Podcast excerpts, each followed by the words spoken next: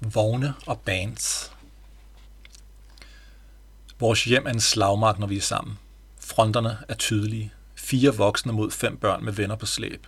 Stuerne er mineret med lorteblæer og legoklodser, men det mest springfarlige er ikke gulvene, men forskellene i børneopdragelse. Hos os bruger vi godnat og sov godt og skiller ud, mens du bruger hele aftener på at lægge i seng og ikke tror på narets kraft.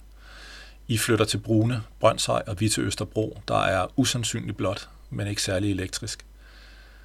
Vi taler tit om at køre tværs over USA, eller bare langs en af kysterne.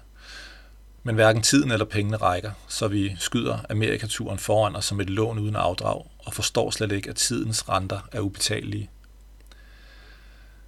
Vores samtaler om det, der gør livet værd at leve, bliver til sporadiske pludseligheder.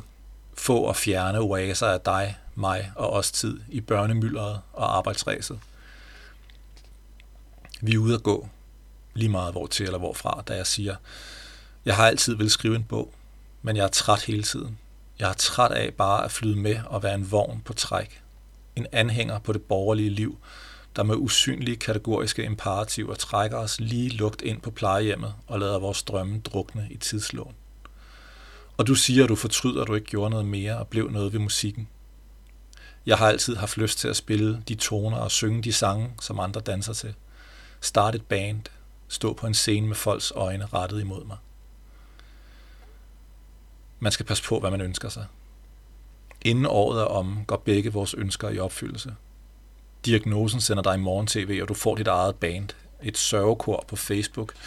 3.500 venlige sjæle retter deres øjne, kærlighed og hjælp mod dig og familien, og forsøger at give jer en chance i kampen mod ALS.